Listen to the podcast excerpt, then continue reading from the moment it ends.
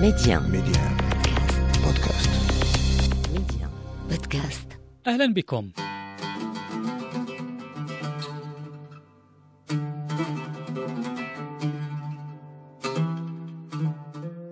نستكشف اليوم مزيدا من المعطيات حول تاريخ المدارس الدينية في المغرب. تلك المنارات العلمية التي شكلت على مر القرون مجمعا للعلماء والفقهاء والعارفين في شتى المجالات. في هذا العدد نسلط الضوء على نظام الوقف الذي قام عليه تمويل ورعاية هذه المدارس ومنتسبيها. كنظام ميز المجتمع المغربي يقوم على الإحسان لوجه الله تعالى. ونتعرف على أسباب فصل المدارس الدينية المغربية عن نظام التعليم الحديث في أعقاب فرض الحماية الاستعمارية على المملكة الشريفة كما كانت تسمى في بدايات القرن العشرين. كل ذلك مع ضيفنا وزير الأوقاف والشؤون الإسلامية أحمد التوفيق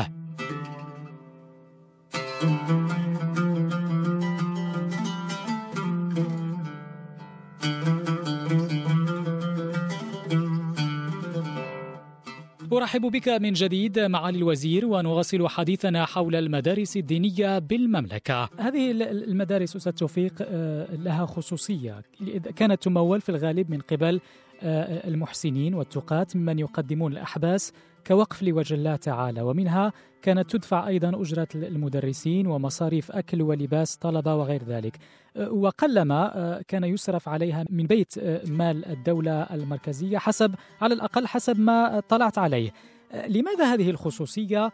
وما غايتها. الواقع أن الأمة والمجتمع الإسلامي كان يدبر أموره بالوسائل المناسبة المناسبة للأحوال. فإنشاء الوقف وتأسيس الوقف وانتشار الوقف يعني وإنشاء مؤسسة يعني مركزية أساسية تهتم بكل ما يهم المجتمع وينفق عليه الناس. بدل أن يعطوا الضريبة للدولة من أجل هذه الخدمات كما هو الحال الآن كانوا مباشرة يعني بشكل محلي كانوا كانوا يمولون اشياء مثلا لذلك الأوقاف كانت تمول المياه الآتية إلى المدن والآبار التي تحفر على الطرقات والم يعني الملاجئ التي يلجأ إليها المعوقون والمساكين وتمول قبل كل شيء الخطط الدينيه والعلم وما, إلى ذلك. فكانت هي المؤسسة الكبرى من الناحيه المالية التي وتمول كذلك الإنارة في في في المدن.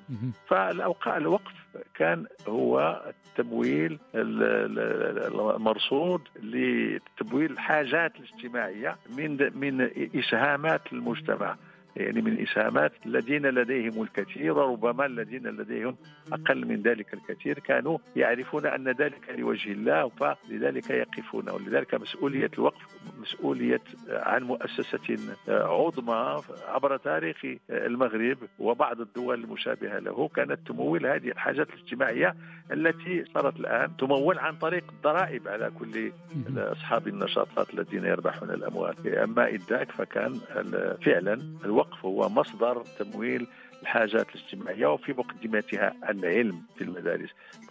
ولا في مقدمتها يعني الخطط الدينية ها؟ ثم بعد ذلك يأتي العلم أنظر إلى هذه هذه الأولويات هذه الأسبقيات. الدين الذي هو المعنى والذي هو يعني ما, ما يقوم به الإنسان فرضا وجماعة لحفظ إيمان الأمة. ثم ثانيا ما ما يرتبط به من العلم. لذلك قام العلم في المساجد. قام العلم كراسي العلم قامت في المساجد.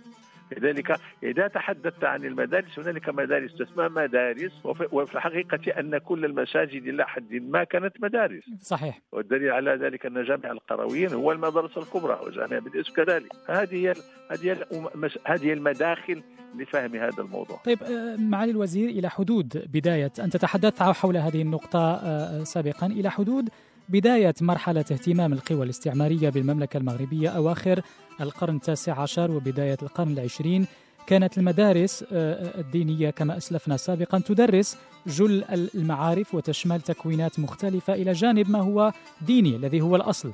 مع بداية مرحلة الحماية سيتم فصلها عن نظام التعليم الحديث وحصرها فقط فيما هو ديني. هل كان هذا الفصل آه، يعني مضرا بتاريخ وقيمة هذه المدارس آه، الكبرى في المملكة أم لصالحها؟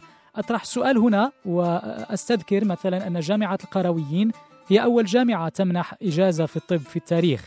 هل هذا الابتسار الذي حصل في شمولية التكوين كان ربما بسوء نية من قبل المستعمر. والذي وقع هو أن المسلمين تخلفوا عن ركب العلم والحضارة منذ قرون قبل أن يأتي إلينا الاستعمار لنقولها الحقيقة كما هي. في ذلك عندما الشيء الذي أشرت إليه في بالنسبة للطب في القرويين وغير الطب والكيمياء وغير ذلك وحتى الحية الفيزياء هذا كان في وقت ما.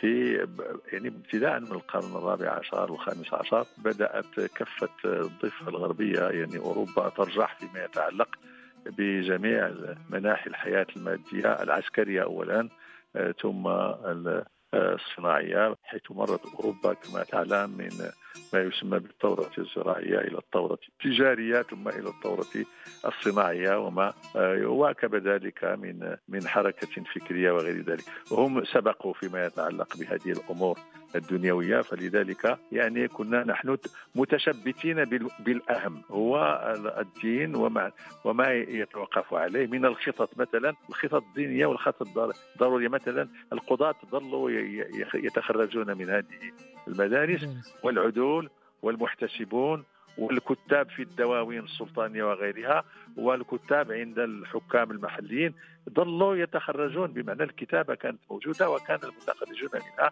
أي القائمون بهذه الخطط كما تسمى والتراتيب آه، كانوا يتخرجون منها بمعنى ذاك الشيء اللي كنا محتاجين ليه؟ كنا تخرجوا لنا المدارس آه، في وقت من الأوقات يعني بعد بعد يعني الاتصال بالغرب يعني ظهر ظهر لبعض سلاطين الدولة العلوية في القرن التاسع عشر ثم أن يعني ضرورة إرسال بعض الطلبة إلى المدارس الأوروبية لكي يتعلموا وهنالك بعثات للأسف الشديد لم يكن لها الوقع المطلوب فيما يتعلق بالنهضة لأن الأوروبيين ضغطوا على المغرب بكل وسائل فيعني احدثوا له ما آه، حرمه من مداخله في تجارة البحرية إلى غير ذلك حتى فرضوا عليه الاستعمار. ذاك دخول هذا الاستعمار آه، وحاجته إلى خطط جديدة هو نفسه مناسبة لمهامه في في الاستثمار وفي الحكم وغير ذلك يعني يعني تطلب أن تكون هنالك مدارس آه، تخرج هذا النوع من أصحاب الخطط وظلت مع ذلك المدارس الأخرى التي كانت عندنا تخرج النوع الآخر ظلوا القضاة كي يتخرجوا من من من المدارس القديمة. فهذا هو الذي وقع يعني ماشي مسألة مسألة فرض الواقع فرض أنه الغرب تفوق على العالم الإسلامي في الأمور المادية. في السياق أستاذ توفيق ربما لم تستفد المملكة المغربية من آه، بعثاتها التعليمية للطلبة المغاربة في الغرب كما ذكرتم كما حصل آه، مع اليابان في أواسط وأواخر القرن التاسع عشر إبان ما يعرف بثورة الميجي وهي البعثات التي آه، ستساهم لاحقا وبشكل كبير في النهضة العلمية لهذا البلد. سنواصل الحديث مع الوزير أحمد التوفيق حول تأثير الفصل بين التعليم العتيق والحديث بعد دخول الاستعمار وما تبع ذلك في العدد المقبل بحول الله لاستيفائنا وقت حلقة اليوم. ممتن لك سيدي الكريم وأشكر كذلك مستمعين على حسن المتابعة. موعدنا يتجدد الأسبوع المقبل بحول الله في أمان الله. Medi1. Medi1. بودكاست. Medi1. بودكاست.